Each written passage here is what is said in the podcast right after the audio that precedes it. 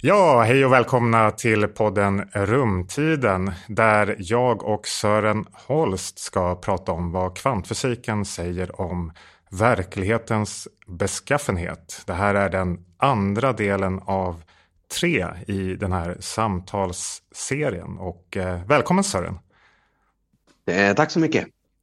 Ja, eh, hur mår du? Eh, tack, eh, jag mår bra. Ja, Bra, då har vi det avklarat. Ja. ja, och eh, i det förra avsnittet, del 1, då, då pratade vi ju om vad kvantmekanik eller kvantfysik, det är två ord vi använder lite omväxlande här. Eh, då pratade vi om vad det är för någonting. Och eh, jag vill säga till lyssnaren här att jag rekommenderar att man lyssnar på det samtalet först då, innan det här samtalet. För nu så ska vi prata om olika tolkningar av kvantmekaniken. Alltså, vi ska se vad, vad det finns liksom för skolor kring den här frågan, vad kvantfysiken säger om, eh, om verkligheten. Och sedan i del tre så kommer vi att gå över och zooma in på ett av kvantmekanikens märkligaste fenomen, det som kallas för kvantsammanflätning. Men eh, vi börjar med att repetera de viktigaste poängerna från vårt förra samtal. Och eh, som sagt, det handlade då om vad kvantmekanik egentligen är. Och det vi såg då, det är att ett av de mest fundamentala matematiska objekten som vi utgår ifrån, det är något som kallas då för vågfunktionen. Och kan du berätta vad det är för någonting, Sören? Ja, så när man i kvantfysiken ska beskriva ett eh, fysikaliskt system så gör man det genom att ange vågfunktionen för systemet. Och det kan handla om vilket system som helst och det kan vara en enskild partikel eller det kan vara flera partiklar. Men om vi tänker på en partikel först, vågfunktionen för en partikel. Vågfunktionen för en partikel den ger ett värde för varje punkt i rummet så att man kan säga att det är en funktion på rummet. Och det innebär att Eh, partikeln beskrivs liksom som utsmetad i rummet på något sätt. Och det här är då i, kontrast till hur man beskriver tillstånd för partiklar i klassisk fysik. I äldre fysik, där, där är ju så att säga partikeln i en välbestämd punkt i varje ögonblick. Men i kvantfysiken så beskrivs alltså en partikel snarare med en vågfunktion som beskriver den som på något sätt utsmetad i rummet. Och vågfunktionens värde avspeglar hur sannolikt det är att hitta partikeln på olika platser i rummet. Eller närmare bestämt kvadraten på vågfunktionen anger sannolikheten att hitta partikeln på olika ställen i rummet.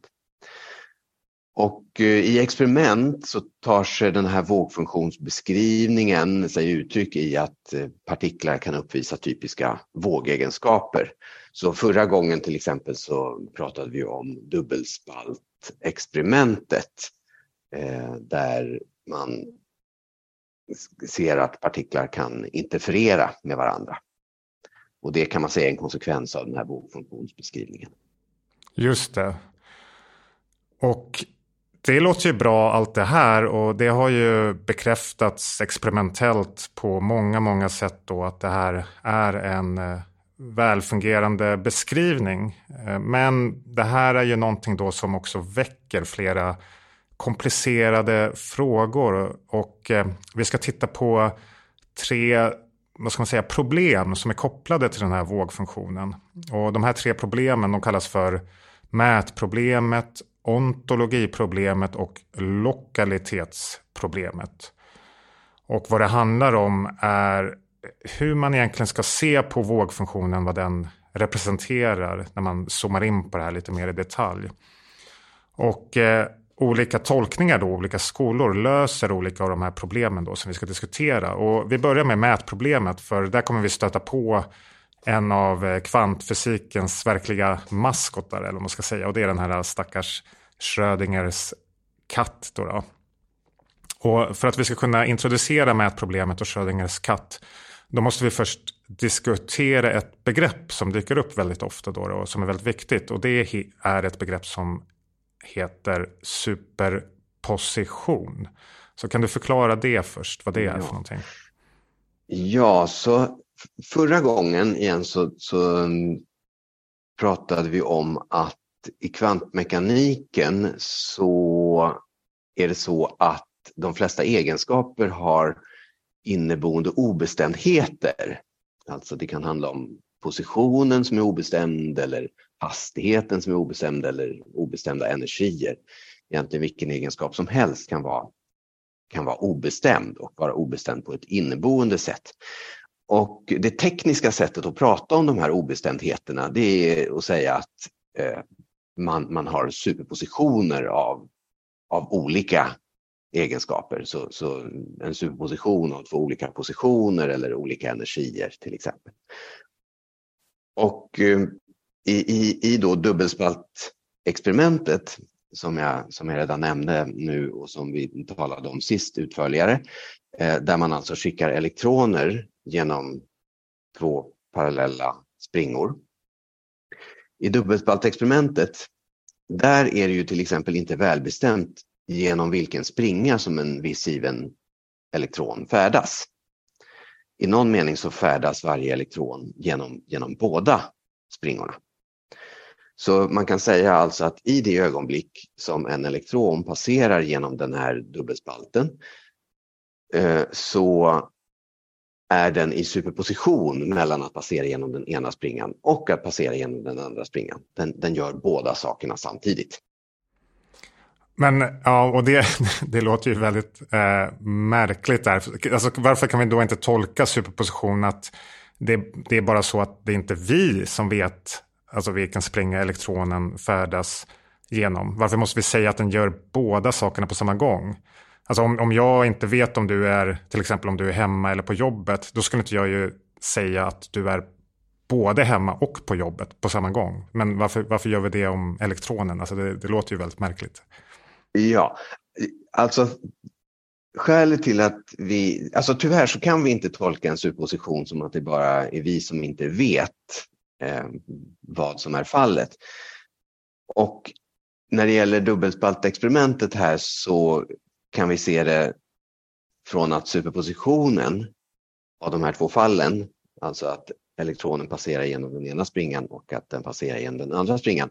Den superpositionen leder till interferensen som man ser då på skärmen eh, där bakom den här dubbelspalten som vi diskuterade och, förra gången. Och interferens handlade om de här eh, vågmönstren som man ser på den här skärmen? Precis, precis. Um, och Det blir väldigt svårt att förklara hur den där, det där interferensmönstret, det här karaktäristiska mönstret kan uppstå om man vill hävda att den här superpositionen, superpositionen egentligen bara handlar om att vi inte vet vad, vad som är fallet. Men låt mig kanske förklara lite närmare hur den här superpositionen i det här fallet leder till, till interferens. Eh, för det har nämligen att göra med något annat viktigt, nämligen hur kvantmekaniska tillstånd utvecklas i tiden.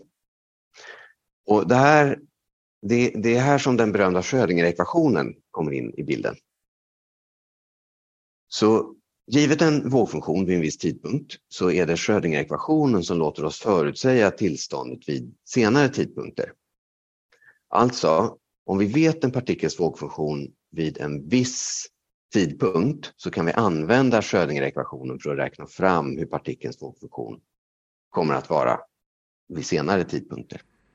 Okej, okay, så vi tar det där en gång till bara. Så vi startar med vågfunktionen vid en viss tidpunkt. Och sen så bestämmer Schrödinger-ekvationen hur vågfunktionen utvecklas med tiden till en senare tidpunkt. Och på sätt och vis så påminner det här om klassisk fysik. Att där utgår vi från till exempel då en partikels position och hastighet vid en viss tidpunkt. Och med hjälp av de här klassiska rörelseekvationerna så kan vi räkna ut hur den här partikelns bana kommer vara vid en senare tidpunkt. Men det som är så speciellt här, det som du är inne på, det är att det finns en avgörande skillnad i att vågfunktionen den anger ju bara, eller jag ska inte säga bara, men den anger sannolikheterna för att ett system befinner sig i olika tillstånd.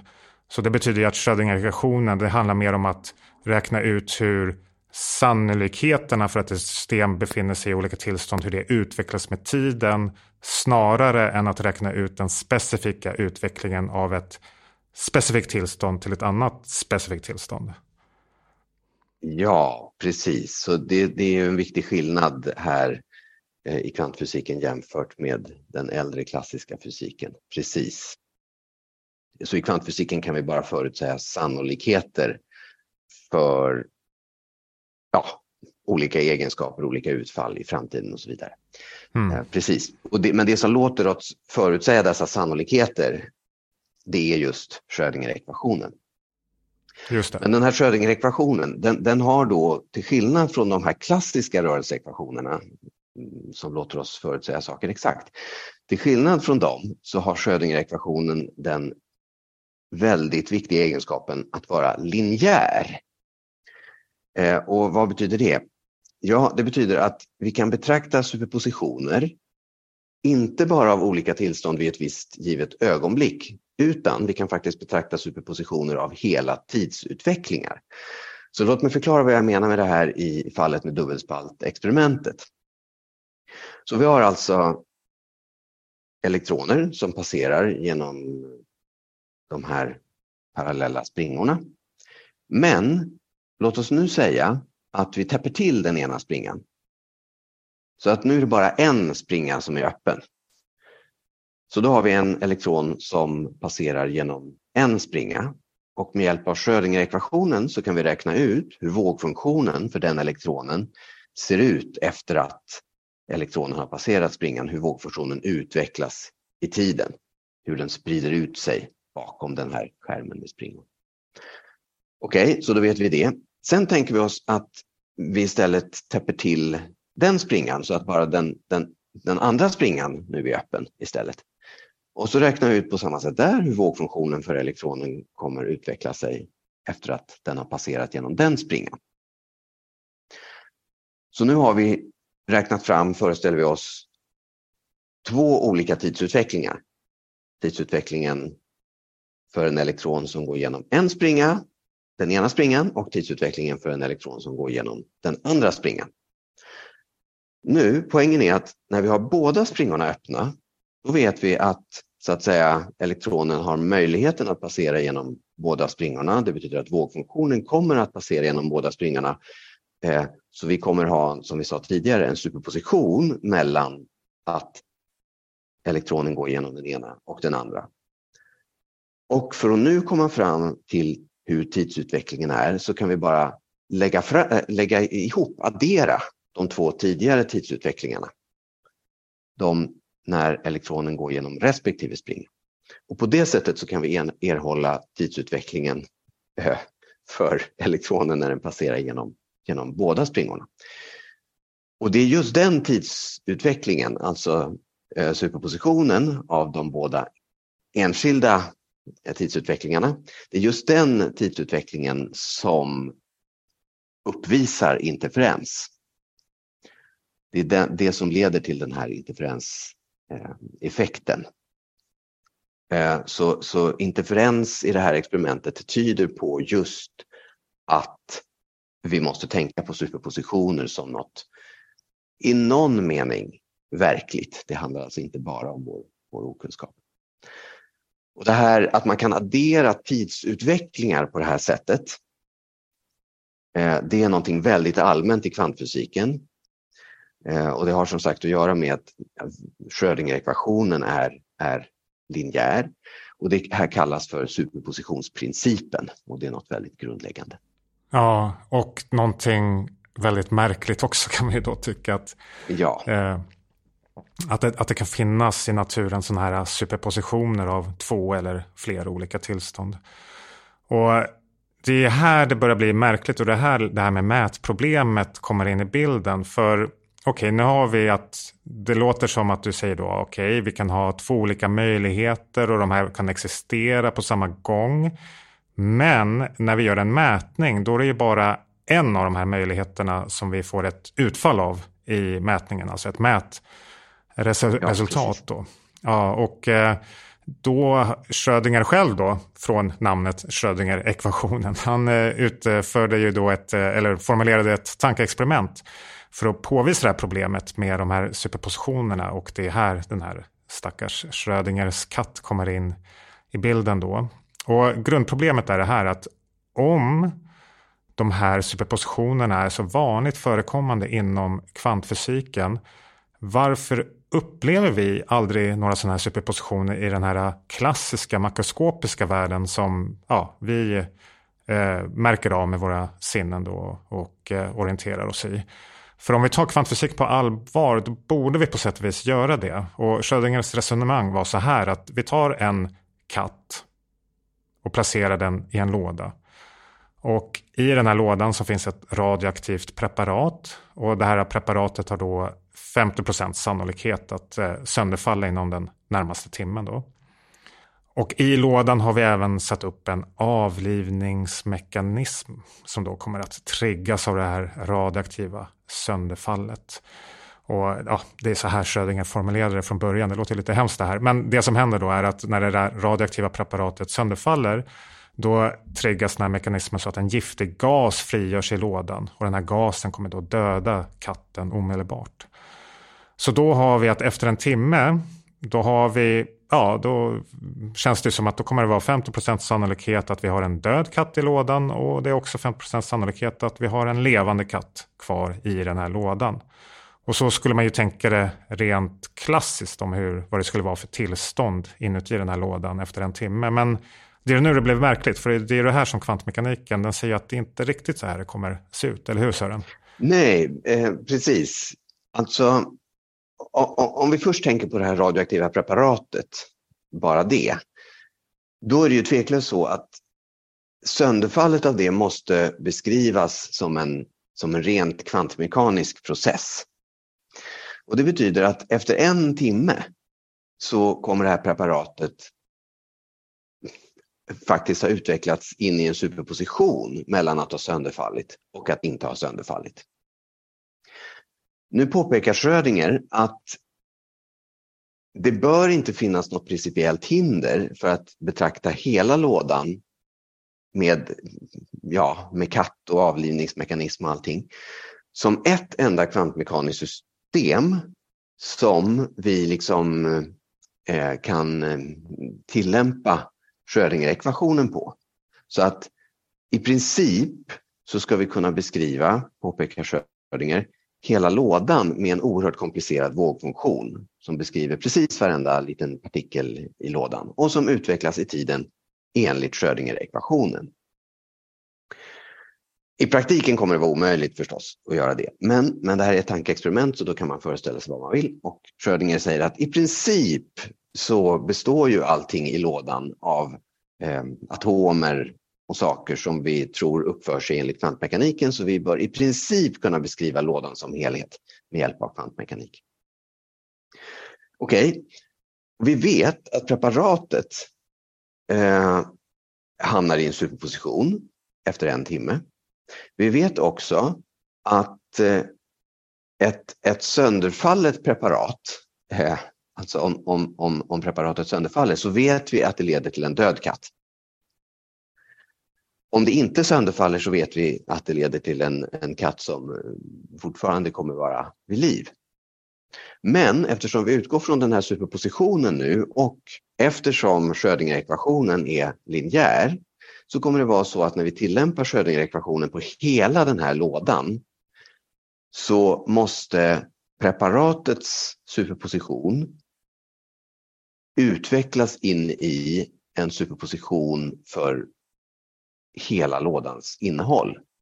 Det vill säga superpositionen av preparatet av att ha sönderfallit och att inte ha sönderfallit kommer utvecklas in i en superposition av en död katt och en levande katt inne i lådan.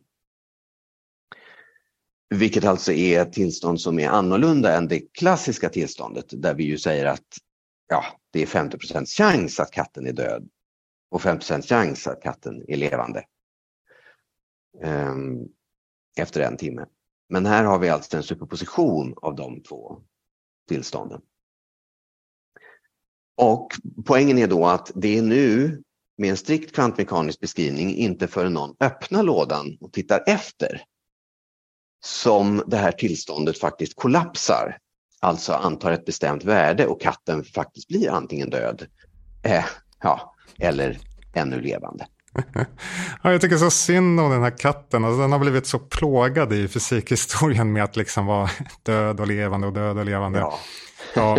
Men, men du, ju, för att gå tillbaka till eh, kvantfysiken här, så det du sa nu, det var ju ett väldigt viktigt begrepp här, att vågfunktionen kollapsar. Det är ju någonting man hör ofta i diskussioner om kvantfysik, fysik, eh, vågfunktionens kollaps. Och vad det handlar om det är ju den här idén då som du sa att när vi gör en mätning så kollapsar då vågfunktionen från den här superpositionen av olika möjliga tillstånd till ett av de här tillstånden. Mm. Och det här är ju då det som man kan tycka är konstigt och det som ja, vi kan kalla då för mätproblemet. Och det är att innan vi gör en mätning så utvecklas vågfunktionen med Schrödinger-ekvationen. Men när vi gör en mätning så sker den här kollapsen av vågfunktionen. Och då måste vi introducera en ny regel som anger sannolikheten för att kollapsen sker till något av de här möjliga tillstånden. Och det kallas då för Borns regel. Och i fallet med Schrödingers katt, då är det ju, ja, då är det ju 50% chans att katten är död och 50% chans att den är levande när vi öppnar lådan. Att, den, att, då, att vågfunktionen kollapsar till någon av de här möjliga tillstånden. Men det problem då som Schrödinger vill uppmärksamma med det här med kvantmekanikens superpositioner är att i princip så borde det här gälla även för makroskopiska objekt och kanske även i förlängningen för den person som öppnar lådan så att den personen också skulle hamna i en superposition med de här två tillstånden att antingen upptäcka en död katt i lådan och antingen se då en levande katt som hoppar ut ur den här lådan. Men det är ju inte det vi gör. Vi ser ju bara antingen det ena eller det andra då. Just det. Mm. Så, så det, här, det här tankeexperimentet illustrerar ju egentligen några olika aspekter av, av mätproblemet. Um, så dels frågan, vad, vad, är det egentligen som händer när, när vi gör en mätning? Alltså, Eh, som, som, du formulerade det, den här andra tidsutvecklingen eh, som alltså inte är en tidsutveckling med Schrödinger-ekvationen utan är något, något helt annat som vi beskriver med att vågfunktionen kollapsar. Va, vad är det exakt som händer i den här kollapsen? Hur ska vi se på den kollapsen? Och en annan aspekt är ju problemet exakt när inträffar den här kollapsen egentligen och varför just då? Är det verkligen just när vi öppnar lådan den inträffar?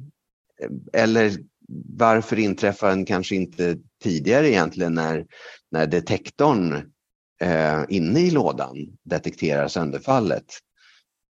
Eller kanske, kanske kan vi betrakta katten som att katten utför mätningen när katten observerar om den kommer dö eller inte och så vidare. Alltså det är väldigt mycket som är oklart här eh, som, illustrerar, som illustreras av det här tankeexperimentet. Ja, det finns något konstigt i den här bilden att liksom ha två olika regler för hur vågfunktionen utvecklas. Då dels att ha Schrödinger-ekvationen när vi inte gör en mätning och sen Borns regel när vi gör en mätning. För det är också konstigt, för de här olika reglerna är olika i bemärkelsen att Schrödinger-ekvationen den är reversibel medan vågfunktionens kollaps är irreversibel. Och, mm, just. Ja, och, ehm, men det allra konstiga på sätt och vis det är ju att varför ska vi ha en separat regel för mätningen? För som fysiker så borde ju inte liksom mätningen och observatören spela någon roll. Men vad vi ser här är att observatören spelar en central roll. Eh, precis, och det här är ju en, eh, en viktig kritik som ofta lyfts fram av, av hur kvantmekanik traditionellt presenteras. Alltså bara det att man behöver, när man, i, i, redan i formuleringen av teorin och hur man ska tillämpa teorin, införa begrepp som, som mätning och observatör. Alltså e, en teori som har ambitionen att vara, vara en grundläggande teori för verkligheten, den borde ju så att säga förklara vad är en mätning? Vad är en mätapparat? Eh, men, men det gör inte riktigt kvantmekaniken utan den, den, den postulerar liksom att när det sker en mätning så ska vi göra så här och så här. Ehm, istället för att förklara hur en mätning faktiskt funkar. Och den, den förklarar heller som sagt inte då exakt eh, vilka situationer som ska räknas som observationer eller mätningar. Är det, ska katten vara en observatör eller, eller krävs det en, en människa eh, för, att, för att man ska kunna tala om en mätning? Och så vidare. Det, det, det är väldigt oklart. Mm. Och det, här, det är ju kring det här då, mätproblemet, som vi har olika tolkningar då som försöker lösa den här frågan på olika sätt. Men innan vi går in och tittar på de här tolkningarna så när vi ändå är inne på problem så ska vi också gå igenom nästa problem. Det är det här det som kallas för ontologiproblemet. Och mm. ordet ontologi det syftar ju då på studiet av verkligheten eller det som finns. Då. Och eh, vad, vad är problemet här? Jo, alltså det handlar om hur vi kommer från de ganska abstrakta matematiska begreppen i kvantfysiken till den värld som vi faktiskt upplever omkring oss. Eh, alltså ett tydligt exempel på detta har vi kanske just i vågfunktionen och vågfunktionsbeskrivningen. Och jag sa att för en enda partikel så är det helt enkelt så att för varje punkt i rummet så anger funktionen, vågfunktionen ett värde. Och det här värdet är relaterat till, att hitta, till sannolikheten att, att, att hitta partikeln. Så när vi tänker på vågfunktionen för en partikel, då verkar det som att vi kan tänka på att vågfunktionen är något som faktiskt finns i rummet. Ett slags fält. Och vi kan tänka på partikeln som ett slags moln, ett sannolikhetsmoln som finns utspritt i rummet på något sätt. Det är en vanlig bild. Men faktum är att den bilden är, är fel. Um, och för att se det så måste vi fundera över vågfunktionen för lite mer komplicerade system, men det räcker faktiskt med två partiklar. Så hur, hur beskriver kvantfysiken ett system av två partiklar? Man skulle kunna tro att den gör det genom att ange bara två vågfunktioner, en för varje partikel. Men så är det faktiskt inte. Istället beskrivs ett tillstånd av två partiklar med en enda vågfunktion som beror på båda partiklarnas positioner. Det vill säga vågfunktionen för två partiklar tillordnar ett värde för varje möjlig konfiguration av de två partiklarna. Ja, Okej, okay, vänta. Vad, vad, menar du här med varje möjlig konfigura konfiguration? Jo, jag menar alla möjliga sätt att placera ut de två partiklarna i rummet, alltså varje mönster av, av två partiklar. Så varje sådant mönster eller sån fördelning av två partiklar tillordnas ett värde av vågfunktionen. Okej, så vågfunktionen är då alltså definierad i ett mycket mer abstrakt matematiskt rum som innehåller koordinaterna för de här båda partiklarna? Ja, så vågfunktionen har alltså inte ett värde i varje punkt i rummet. Det, det, är liksom ett objekt som inte lever i rummet överhuvudtaget.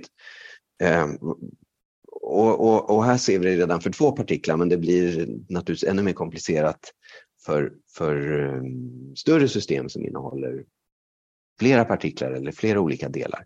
Varje möjlig konfiguration hos ett system tillordnas ett värde av vågfunktionen. Så Därför kan man liksom inte säga att vågfunktionen finns i den naiva bemärkelsen att den finns i rummet. Utan om den finns så finns den i någon sorts mer abstrakt bemärkelse i ett abstrakt rum. Men i så fall så kan man fråga sig vad är relationen mellan det här mer abstrakta matematiska rummet där vågfunktionen finns och det verkliga rummet som vi upplever. Alltså varför har de objekt som vi observerar omkring oss en ganska tydlig rumslig utsträckning? De är liksom någonstans. Om det är så, varför är det så när det fundamentala objekt som ska beskriva dem enligt kvantmekaniken alltså vågfunktionen, inte existerar som ett objekt i rummet. Ja, det här, det här är ju verkligen ett mysterium. och som vi nämnde i, i det förra avsnittet så har man ju inte det här problemet på samma sätt i den klassiska fysiken. För där är ju det som vi mäter då, till exempel positionen och hastigheten hos en partikel. Det är också det vi använder som grundläggande matematiska entiteter i den fysikaliska teorin. Så det liksom empiriska och det teoretiska ligger mycket närmare varandra i den klassiska fysiken. Men det blir oerhört mera abstrakt i kvantmekaniken, verkligen. Och det blir ja, svårt, ja, och svårt att ha en mycket mer, eller ha en eh, intuitiv bild av vad som egentligen sker här. Men eh, för att beta av de här tre problemen, då hade vi pratat om mätproblemet, ontologiproblemet och sen har vi då också för att avsluta kring problemen, då har vi lokalitetsproblemet. Så vad är det då? då? Ja, om man ska uttrycka det lite kortfattat så kan man säga att eh, det helt enkelt verkar som att kvantmekaniken har någon sorts inbyggd icke-lokalitet i sig. Och den här icke-lokaliteten den kommer kanske tydligast till uttryck i den här kollapsregeln. Eh, alltså kollapsen som ska inträda vid en mätning.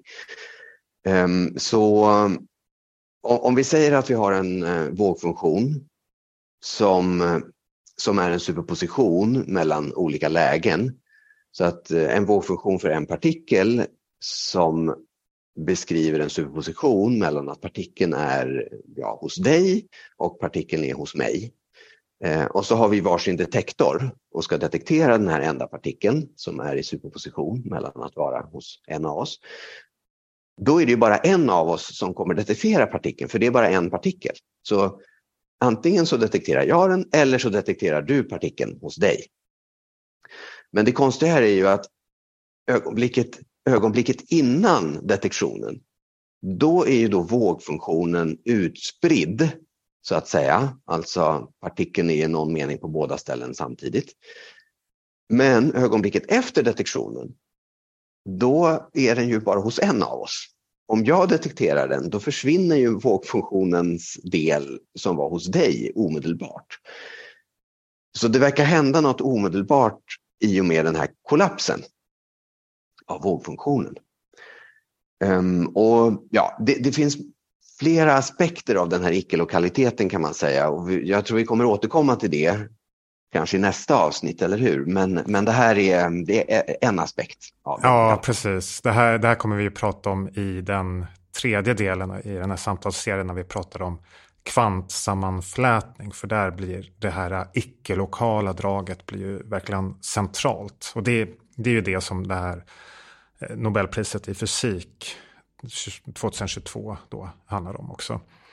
Men eh, jättebra, nu har vi introducerat eh, tre problem här. Mätproblemet, ontologiproblemet och lokalitetsproblemet.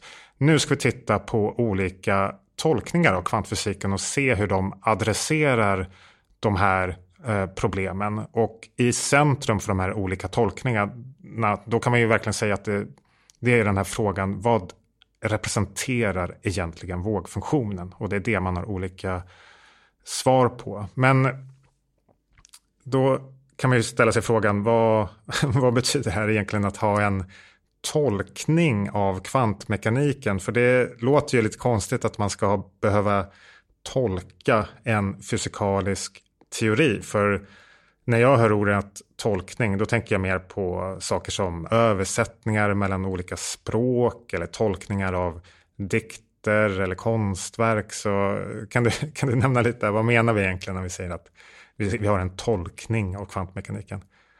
Ja, så att vi har ju sett att det finns ett antal problem med kvantfysiken och därmed så finns det också ett antal sätt att förhålla sig till de problemen. Ett antal olika åsikter om hur, hur man ska lösa problemen. Och traditionellt har de här olika förhållningssätten kommit att kallas tolkningar. Men som du säger så är det ett lite konstigt ord i sammanhanget. För att en del av de här tolkningarna är snarare modifieringar av, av teorin. Alltså en del av dem har faktiskt lite annorlunda experimentella förutsägelser. Medan, medan andra av dem ja, kanske mer passar att kallas tolkningar. Alltså det handlar mer om att försöka förstå vad, vad den ursprungliga teorin egentligen, ja, att översätta den till verkliga intuitiva begrepp på något sätt. Eh, så, så ordet tolkningar här när det gäller kvantmekanik täcker in väldigt många olika saker. Eh, det kanske är bättre att, att säga förhållningssätt eller synsätt. Eller något ja, jo, men och det kommer att bli tydligt nu för när vi går igenom de här tolkningarna och vi kommer ju också tolka tolkningarna lite, eller vad man ska säga, alltså se, eh, fälla lite omdömen om dem. Och, eh, vi ska gå igenom ett par nu och vi börjar med Köpenhamns tolkningen som nog är den mest kända och det är ett sånt här begrepp som vissa kanske har hört talas om, Köpenhamns tolkningen. Och det är den dominerande tolkningen av kvantmekaniken. Och, eh, eller så var den åtminstone det under väldigt lång tid sedan kvantmekaniken formulerades. Och eh, det, det, är en tolkning också som de flesta studenter lär sig när man eh, studerar eh, kvantmekanik på universitetet. Och den har sitt ursprung i Niels Bohrs idéer. Och Niels Bohr han var en av de tongivande gestalterna i kvantmekanikens tidigare dagar. Och han präglade väldigt mycket hur folk eh, tänkte och resonerade kring kvantmekaniken. Men det är en rätt så lustig situation för Niels Bohrs texter där han då filosoferar om kvantmekaniken. De är egentligen rätt så dunkla och svåra och redan där så måste man tolka eh, Köpenhamnstolkningen. Ja. och det finns ja. olika tolkningar av Köpenhamnstolkningen. Så redan, redan här så dyker det upp liksom ett problem. Men hur skulle du sammanfatta Köpenhamnstolkningen, Sören? Ja, alltså man kanske måste skilja mellan moderna former av Köpenhamnstolkningen och, och, och Bohrs ursprungliga version egentligen. Men om vi för enkelhetens skull håller oss till vad ja, vad vi tror att Bohr kanske avsåg, för som du säger är det lite dunkelt.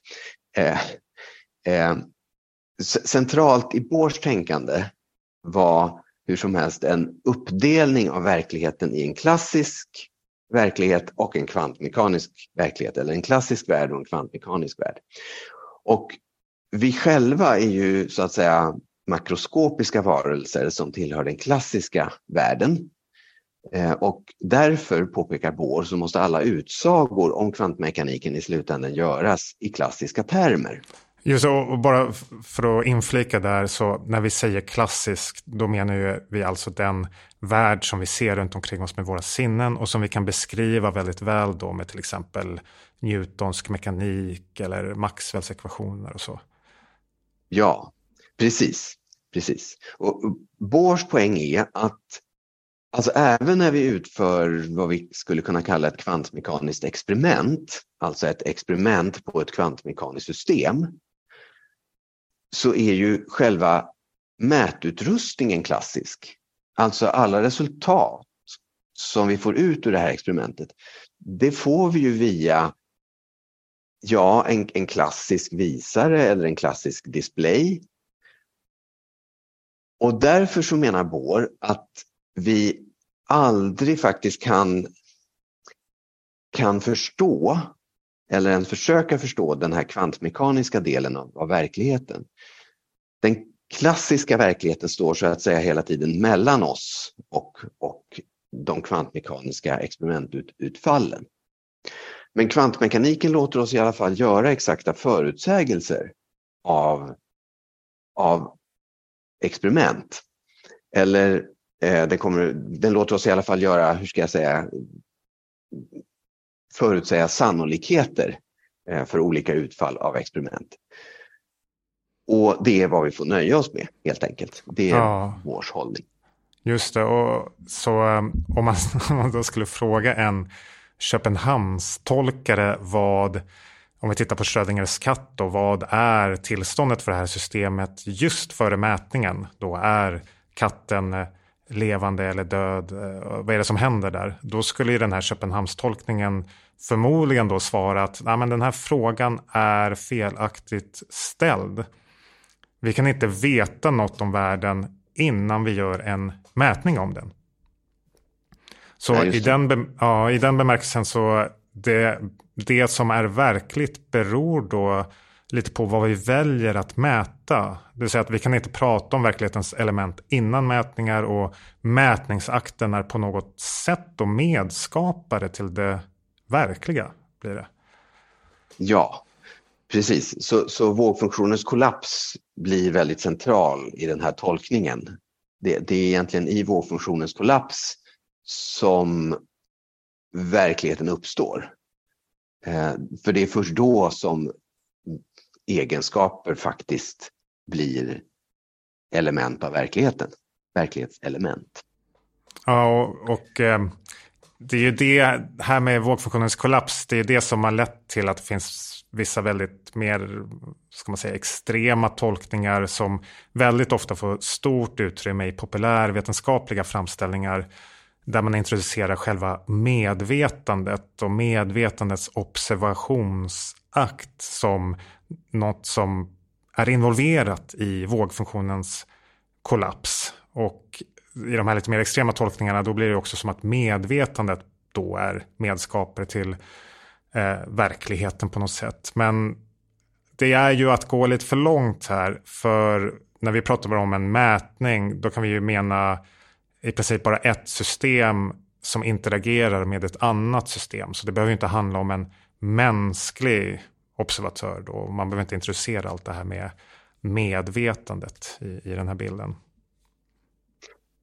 Nej, precis. Alltså medvetandet är ju förstås en, eh, en gåta i sig.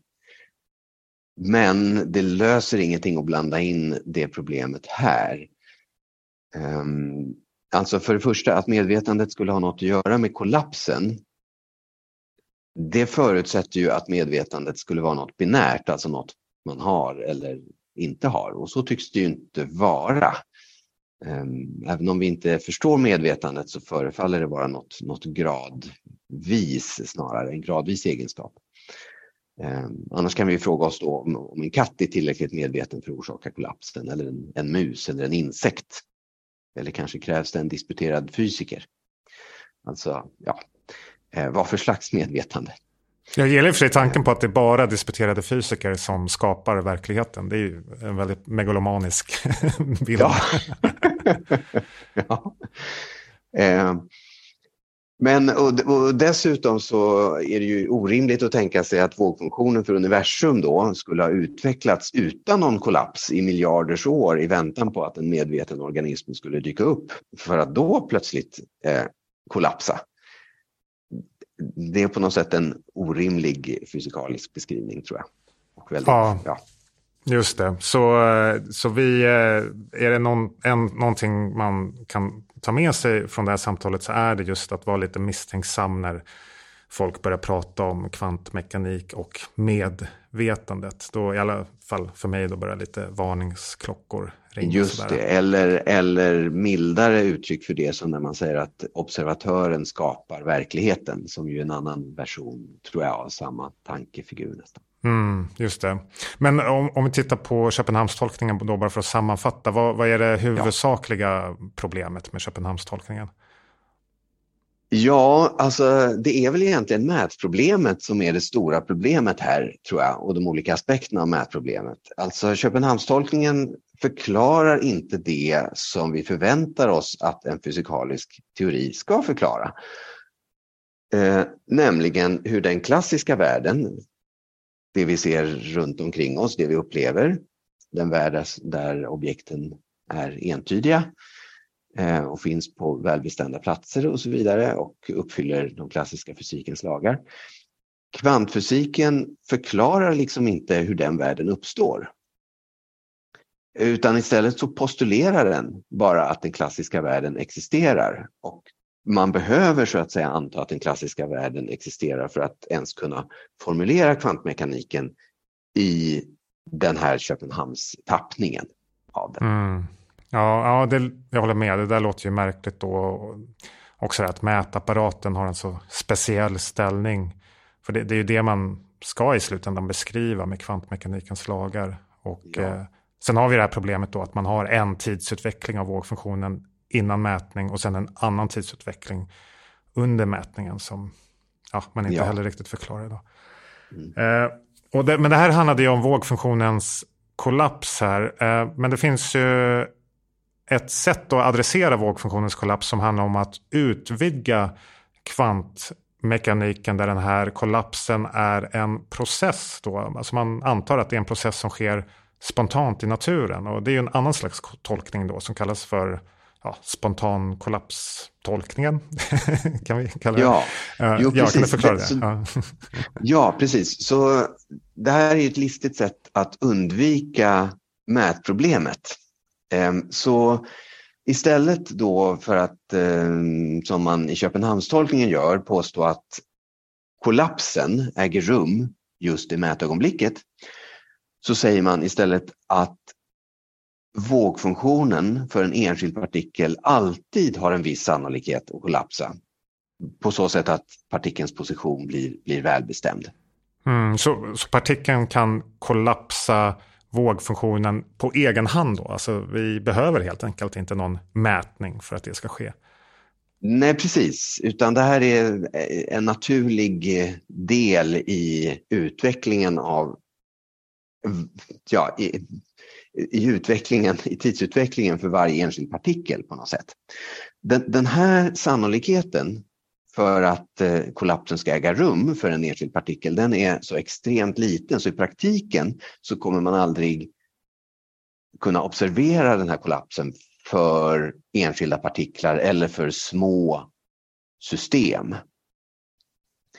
Men poängen är att när man har att göra med ett makroskopiskt objekt som, som visaren på en mätapparat, som ju består av väldigt många partiklar, eh, då kommer den här kollapsen att eh, äga rum plötsligt med en väldigt stor sannolikhet, helt enkelt bara eftersom det makroskopiska objektet består av så väldigt många partiklar.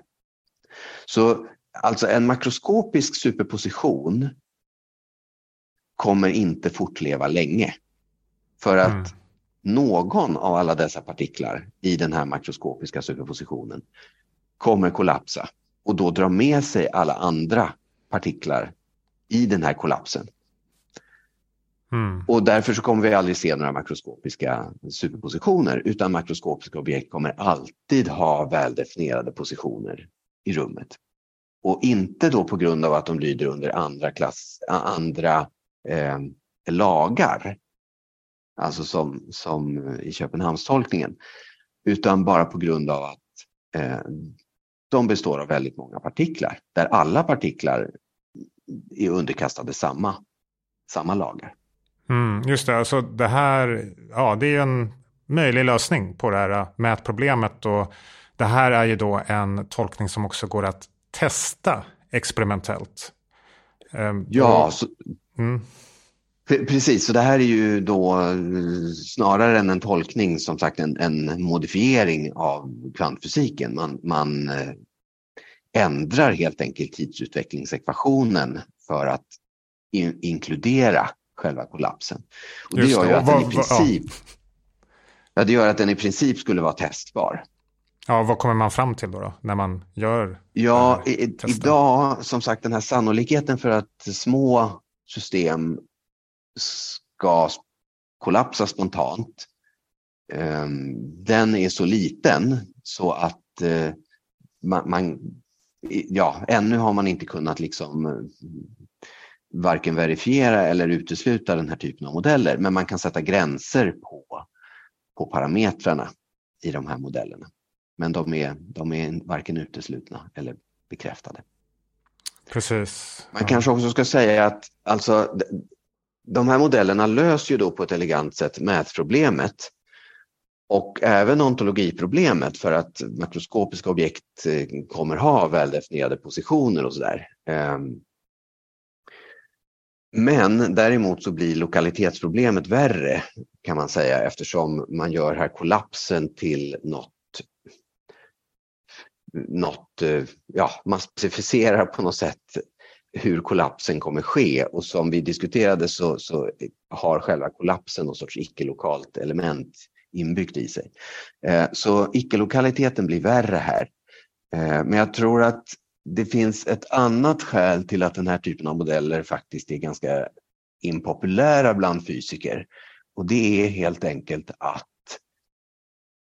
de innehåller för många Alltså det finns för många sätt att konstruera de här modellerna på. Det finns för många sätt att specificera exakt hur äger den här kollapsen rum? Exakt hur ser tidsutvecklingen för kollapsen ut?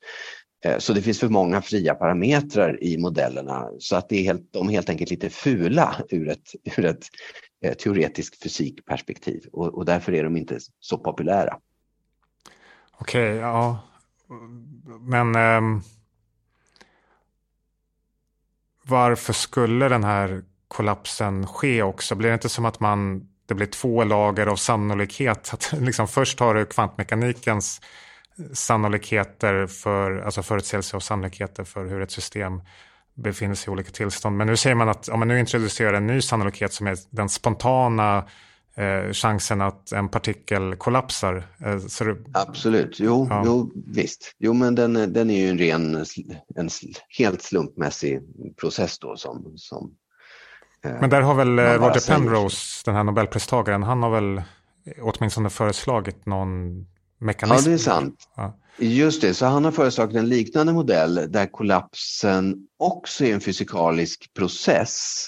Eh, men där den utlösande faktorn är, är gravitation. Så där är förslaget att vågfunktionen eller det kvantmekaniska tillståndet kollapsar när skillnaden i gravitation mellan de båda komponenterna i en superposition, i en superposition blir, blir för stor. Um, så där är det liksom inte i lika hög grad en fråga om slump och sannolikhet när kollapsen sker, utan där sker den helt enkelt när systemen är, är stora. Just. Så även det här skulle kunna förklara då varför vi inte ser några makroskopiska superpositioner. Mm, ja, men det är intressant. Så här, bra, då har vi ett exempel här på en tolkning eller utvidgning eller modell då, då som introducerar nya fysikaliska effekter och därför i princip då går att testa experimentellt. Eh, men vi ska gå vidare och vi ska titta på en annan tolkning nu som på sätt och vis eh, är motsatsen. Det vill säga den här tolkningen den introducerar ingen ny fysik och förmodligen så går den inte att testa experimentellt men den har ändå fått ett väldigt stort inflytande och den tolkningen som vi ska prata om nu den kallas då för många världar tolkningen och eh, det här är en tolkning som jag tror att idag så är flera av världens ledande kvantmekaniker, de är nog anhängare av den här tolkningen. Den är på väg att bli lite av en default-tolkning jämte Köpenhamnstolkningen till exempel. Och, eh, men den har också många problem. Men eh, vad handlar den här om då, då? Och i en bemärkelse så är den här tolkningen ett exempel på det som vi såg att Einstein höll på med i våra YouTube-samtal om relativitetsteori och det var något som kallades för radikal konservatism. och eh, i det här sammanhanget, alltså i ett vetenskapsteoretiskt sammanhang så handlar inte det om eh, någon, någon slags politisk hållning utan det är en vetenskapsmetodologisk hållning som säger att man ska verkligen ta ekvationerna på allvar, alltså ta vad de säger på allvar och lägga inte till en massa extra hypoteser. Och kan du berätta då Sören, vad får vi då? Hur kommer vi då fram till många världar-tolkningen om vi gör det? Ja, så jämfört med eh, spontan kollapstolkningen så är det här verkligen den motsatta strategin eh, kan man säga. Eh, för här säger man att kollapsen aldrig äger rum överhuvudtaget. Så det enda vi har är en gigantisk vågfunktion för hela universum som utvecklas enligt Schrödinger-ekvationen. Och ja, som, som vi konstaterade när vi pratade om Schrödingers katt nyss så kommer ju detta förstås leda till makroskopiska superpositioner. Så om, om, om det aldrig sker någon kollaps, då kommer katten hamna i en superposition av både död och levande och den kommer förbli i en superposition av död och levande och den som öppnar lådan och eh, betraktarkatten kommer också hamna i en superposition, nämligen en superposition av att se en död katt och, eh, och att se en levande katt. Och, och den laboratorieassistent som eh, strax därefter får reda på utfallet hamnar också i en superposition och så vidare. Men idén här, det är att det här kanske inte gör någonting. Alltså om du hamnar i en superposition av att se en död katt och att se en levande katt så kommer det helt enkelt finnas två upplevelser. En upplevelse av att ha sett en död katt och en upplevelse av att ha sett en levande katt. Men den version av dig, alltså den komponent i den här väldiga superpositionen, den komponent av vågfunktionen av dig som ser en död katt, den har inga minnen eller förnimmelser eller några kognitiva spår överhuvudtaget kopplade till den andra upplevelsen av att se en levande katt. Och omvänt. Så trots att det blir en massa kopior av oss hela tiden så skulle vi liksom inte märka det. Och därför kan vi inte utesluta att det faktiskt är, är det här som sker. Det är den grundläggande idén tror jag i, i mångvärldstolkningen. Mm, just det. Och en sån här uppdelning i olika världar då, av de här många världarna, det händer ju varje gång det sker en kvantmekanisk process. Så det, det är viktigt att poängtera att det är inte liksom så att varje gång jag står inför ett val i livet så delas världen upp i två olika utvecklingslinjer. Utan det är mer till exempel att varje gång det sker ett, eh, säg ett radioaktivt sönderfall, Eh, då, vilket till exempel sker hela tiden i våra kroppar då, då kan det ske en sån här uppdelning i olika världar. Och ja, hur ofta skulle det här ske då? Då kan man ju titta, det är väldigt svårt att uppskatta, men till exempel i våra kroppar så sker det tusentals radioaktiva sönderfall varje sekund eh, då från till exempel kalium och kol-14 och så. Och då skulle de här nya världarna bildas. Ja, ja precis. Eh, nu, det kan leda tanken lite fel att formulera det som att det bildas nya världar. Mm, eh, för, för det är ju inget nytt som skapas här utan poängen är att det enda som sker är att vi har den här enda vågfunktionen och den utvecklas enligt Schrödinger-ekvationen. Och, och, den utvecklingen i sig själv innehåller så att säga all information om alla dessa världar. Så att de uppstår inte, det är ingenting man behöver lägga till till kvantmekaniken, alltså nya världar, utan de så att säga finns redan där i beskrivningen. Det är mer så att acceptera att, att beskrivningen faktiskt innehåller de här världarna. Mm, just det, och det är där man kan säga att den här radikala konservativa approachen kommer in då, att verkligen ta ekvationerna på all, allvar. Att det här är någonting ja. som egentligen ja, skulle vara en slags förutsägelse av kvantmekaniken. Men, ja, men vad löser det här för problem då, då, om man tänker sig att det fungerar så här? Ja, alltså det löser ju mätproblemet för man slipper, eh, man slipper eh, kollapsen. Man slipper säga att det är något speciellt med mätning. Man har bara en enda tidsutveckling och det är Schrödinger-ekvationen som, som styr den. Och troligen löser det även lokalitetsproblemet för att eh, som vi sa så är, är, är det egentligen kollapsen som är det knepigaste icke-lokalitetsproblemet i kvantmekaniken och det finns inget eh, icke-lokalt i själva Schrödinger-utvecklingen av vågfunktionen. Mm, just det, så det är bra. Så där ehm. får man eh, det är två, två bonusar, två tummar upp här, att man löser mätproblemet mm, och eh, då förmodligen det här eh, lokalitetsproblemet. Sen, men sen finns det då kritik då av den här tolkningen. För det första, är någonting folk, vissa då är lite obekväma med, det är ju den här tanken att man skulle multiplicera medvetanden i de här nya världarna och att det skulle liksom uppstå olika kopior av en själv och olika jag och sånt där. Och det är ju en lite lustig situation för när vi tittade på Köpenhamnstolkningen, vissa extrema tolkningar av det, då handlar det ju om liksom ett enskilt medvetandets medvetandets roll i att vara någon form av medskapande av verkligheten. Men här får vi liksom motsatsen, att vi får en massa medvetanden som bildas. Och det är vissa som är kritiska mot det och det kan man ju ha lite olika åsikter om. Men eh, det, den kritik som man kan föra fram mer matematiskt då, det är ju det här att här sker ju egentligen allt då med 100% sannolikhet. Så det blir något konstigt här, för vi använder ju kvantfysiken till att just eh, eh förutsäga sannolikheter för att olika processer ska ske. Men här sker ju allting. Så vad, vad kan vi egentligen säga att sannolikheterna i kvantfysiken kommer ifrån? Ja, så, så precis. Problemet här, Ehm, eller utmaningen eh, som en många världartolkare måste kunna, kunna förklara, ehm, det är ju som du säger, varför förefaller det som i de här olika världarna som att det är meningsfullt att prata om, om olika sannolikheter?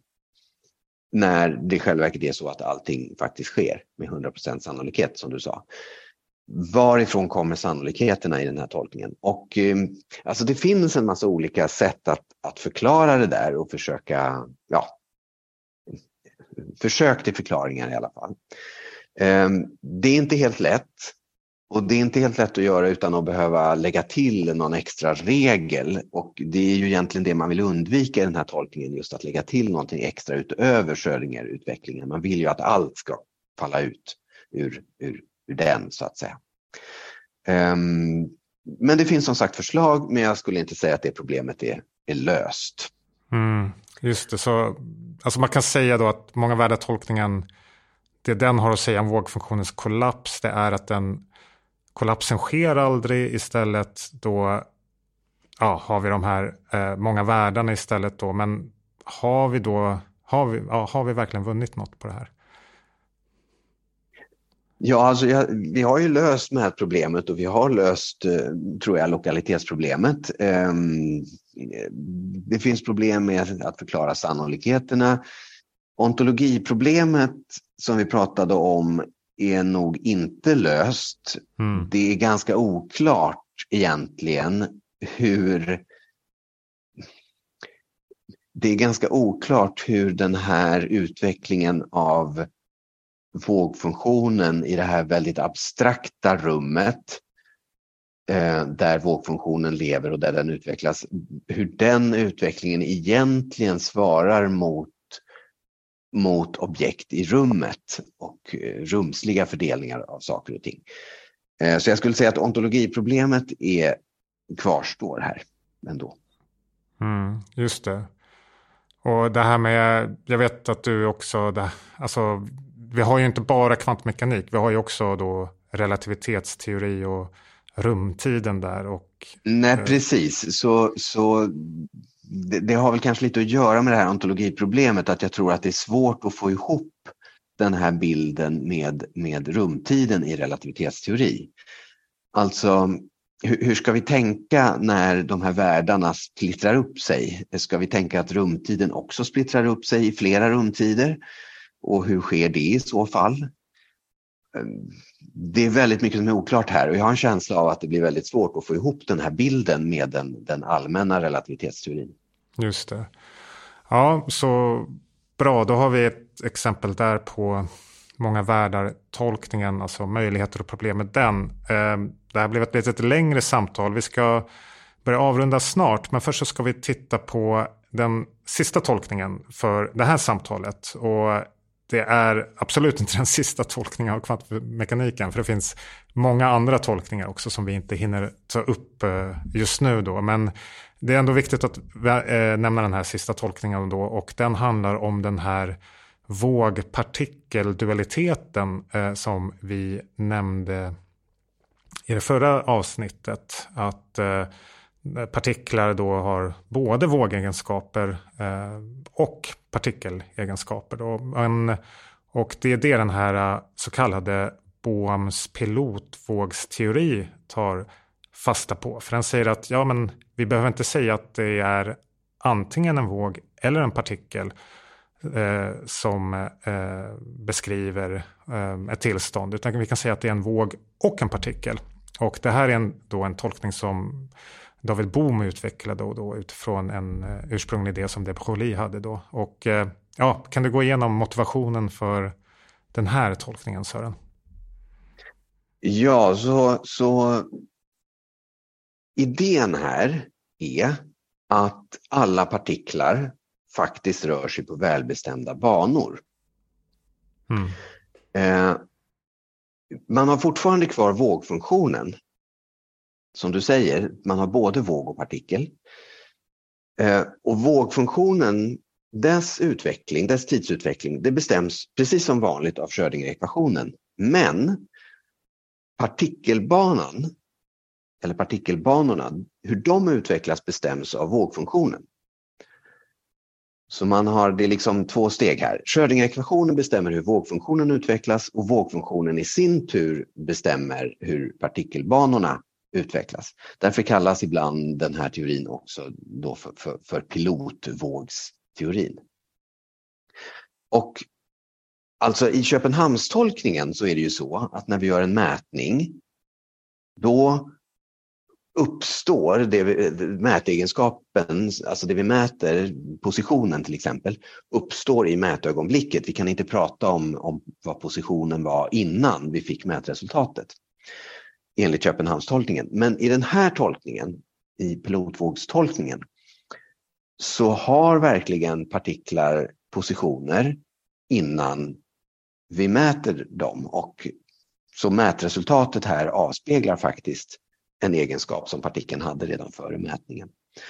Och därmed så behöver vi inte säga att det sker någon kollaps. Utan mätningen innebär bara att vi uppdaterar vår information om var partikeln faktiskt befann sig redan före mätningen. Så här fungerar alltså mätningar mer som i klassisk fysik. De, de avslöjar redan existerande värden. Just det, men, men det man gör här i den här tolkningen, för den här innehåller ju någonting nytt då. Man lägger ju till ytterligare variabler i den här teorin, det som kallas för dolda variabler. Och det är de här partikel partikelbanorna och de finns ju inte då i den mer konventionella vanliga kvantmekaniken. Och eh, det finns ju ett problem med de här partikelbanorna, alltså, eller de här ytterligare dolda, dolda variablerna som man lägger till och det är ju att de är icke lokala då. Så ja, vad, vad, betyder det i det här ja, sammanhanget? Och, och det är ju det som är det otrevliga med den här tolkningen kan man säga. För, för alltså fördelen med den är att den löser mätproblemet och den löser också ontologiproblemet för att eh, partikelbanor existerar, saker finns på välbestämda platser i rummet. Ehm, men som du säger, de här dolda variablerna, partikelbanorna, de är icke-lokala. Ehm, och vad betyder det? Jo, det visar sig alltså att det sätt som de här partikelbanorna bestäms på ur vågfunktionen gör att en interaktion på ett ställe av ett kvantmekaniskt system under vissa omständigheter kan påverka partikelbanorna omedelbart på ett helt annat ställe. Så vi har alltså omedelbar påverkan över avstånd i den här tolkningen. Och det är ju inte så trevligt. Det tycker så, vi inte så även om. Mät, nej, det tycker vi inte om. Eh, så även om mätproblemet och ontologiproblemet löser sig i den här tolkningen så, så blir lokalitetsproblemet desto värre. Just det. Ja, och det här börjar ju bli då komplicerat eh, för, eh, eller ja, problematiskt. För enligt den speciella relativitetsteorin så kan ju inte signaler då färdas snabbare än med ljusets hastighet. Så det innebär då att någonting som händer vid punkt A kan inte påverka någonting vid punkt B snabbare än vad det skulle ta då för ljuset att färdas mellan de här två punkterna. Så den här icke-lokaliteten då i, i Bohms pilotvågsteori den blir väldigt problematisk när man ska försöka förena den här teorin med den speciella relativitetsteorin. Då. Det, där ja. börjar det uppstå en rad problem och bli väldigt knivigt då för de som vill göra det.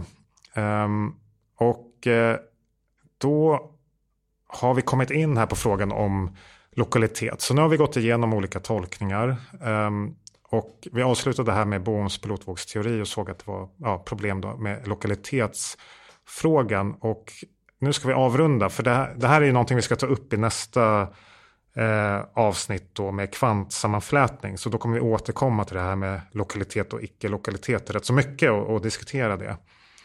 Men eh, vi kanske ska sammanfatta bara innan vi avslutar då att vi har kollat på fyra tolkningar som är Köpenhamnstolkningen, spontan kollapstolkningen, många världar tolkningen och sen då Bohms pilotvågsmodell. Och som sagt då, det finns flera andra tolkningar än de här också då, så det är inte en uttömmande lista. Eh, nej, precis. Det, jag tror att det finns nästan lika många tolkningar som fysiker. Ja, just det. Alla har olika åsikter om, om, om de här frågorna. Men jag tror att vi har berört de viktigaste grupperna, alltså de viktigaste klasserna av tolkningar i alla fall. Ja, exakt. Och som den som lyssnar på det här då har hört är att det är ju inte på något sätt en tillfredsställande situation då rörande kvantmekaniken. Att det finns så här många olika tolkningar. Och jag skulle vilja läsa ett citat här av John Clauser då som fick eh, Nobelpriset i fysik i år, då 2022. Eh, för jag, jag intervjuade då honom för tidskriften Forskning och framsteg efter att han hade fått priset och frågade vad han då kände om inför kvantmekaniken. Han sa så här, det är ett så roligt citat. Han sa, jag erkänner också att jag är helt förvirrad. Jag har ingen aning om vad allt det här betyder. Efter att ha ägnat ett helt liv åt att försöka lösa dessa problem vet jag fortfarande inte vad det rätta svaret är. Slutcitat. Ja. Och det är så ro roligt och väldigt ödmjukt av honom att säga det. Och mm. eh, ungefär så där så tycker jag också det känns när man närmar sig de här frågningarna att, äh, frågorna att alla tolkningar har, har de har för och nackdelar och det är ungefär som en heltäckningsmatta som är lite för stor för det golv som man ska lägga den på. Att hur man än gör så sticker den ut någonstans och passar inte perfekt. Så de här olika tolkningarna kan var för sig lösa något specifikt problem då med kvantmekaniken. Men de skapar på sätt och vis också nya problem när de gör det. Och eh, i slutändan så skulle man ju helst vilja ha en experimentell situation då där man kan skilja de här olika tolkningarna eller sätten då att försöka lösa de här problemen på. Och vilket vi såg exempel på i spontan kollapstolkningen. Att där, där fanns det en, en sån experimentell situation. Men eh, för att avsluta då, har du någon favorittolkning av de här som vi har gått igenom, Sören?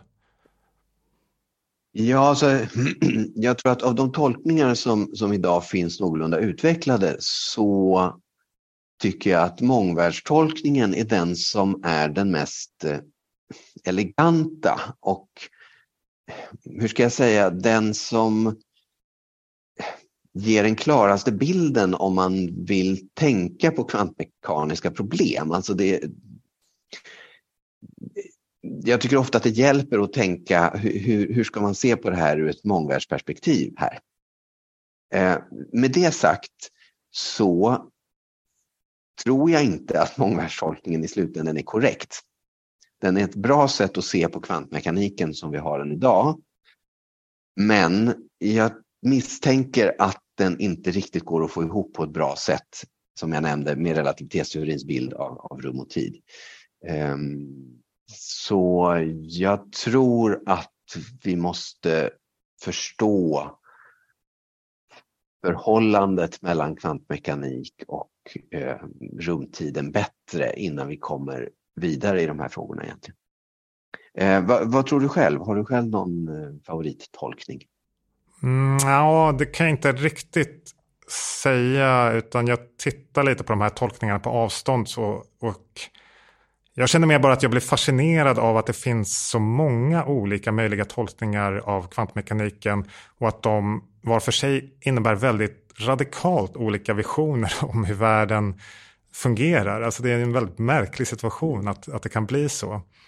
Men mm. eh, om jag skulle gå på min magkänsla då, då känner jag att det här, det här fenomenet som vi ska prata om i nästa avsnitt om kvantsammanflätning som då verkar visa att det finns någon slags icke-lokal aspekt i naturen som står i kontrast med våra andra teorier som till exempel eh, partikelfysikens standardmodell och Einsteins relativitetsteori som är väldigt lokala då. Jag, jag, känner att det är det här med icke-lokaliteten, det är det man måste fokusera på och lösa mm. Mm. och förstå bättre för att kunna gå vidare ja. då. Ja, men ja, nu har vi kommit till eh, slutet av det här samtalet. Så, och jag vill avsluta med att säga att om du som har lyssnat på det här eh, känner dig förvirrad av allt vi har pratat om så är du i väldigt gott sällskap. För det visar rätt så väl hur situationen är med de här olika tolkningarna då. Och eh, som fysikern John Wheeler sa en gång, han sa att om du inte är fullständigt förvirrad över kvantmekaniken så har du inte förstått den. Så, men vi ses i det tredje samtalet, Sören, som kommer lite senare. Mm. Och tack ja. så jättemycket för att eh, du var med i den här podden. Ja, tack så mycket. Hej då. Hej.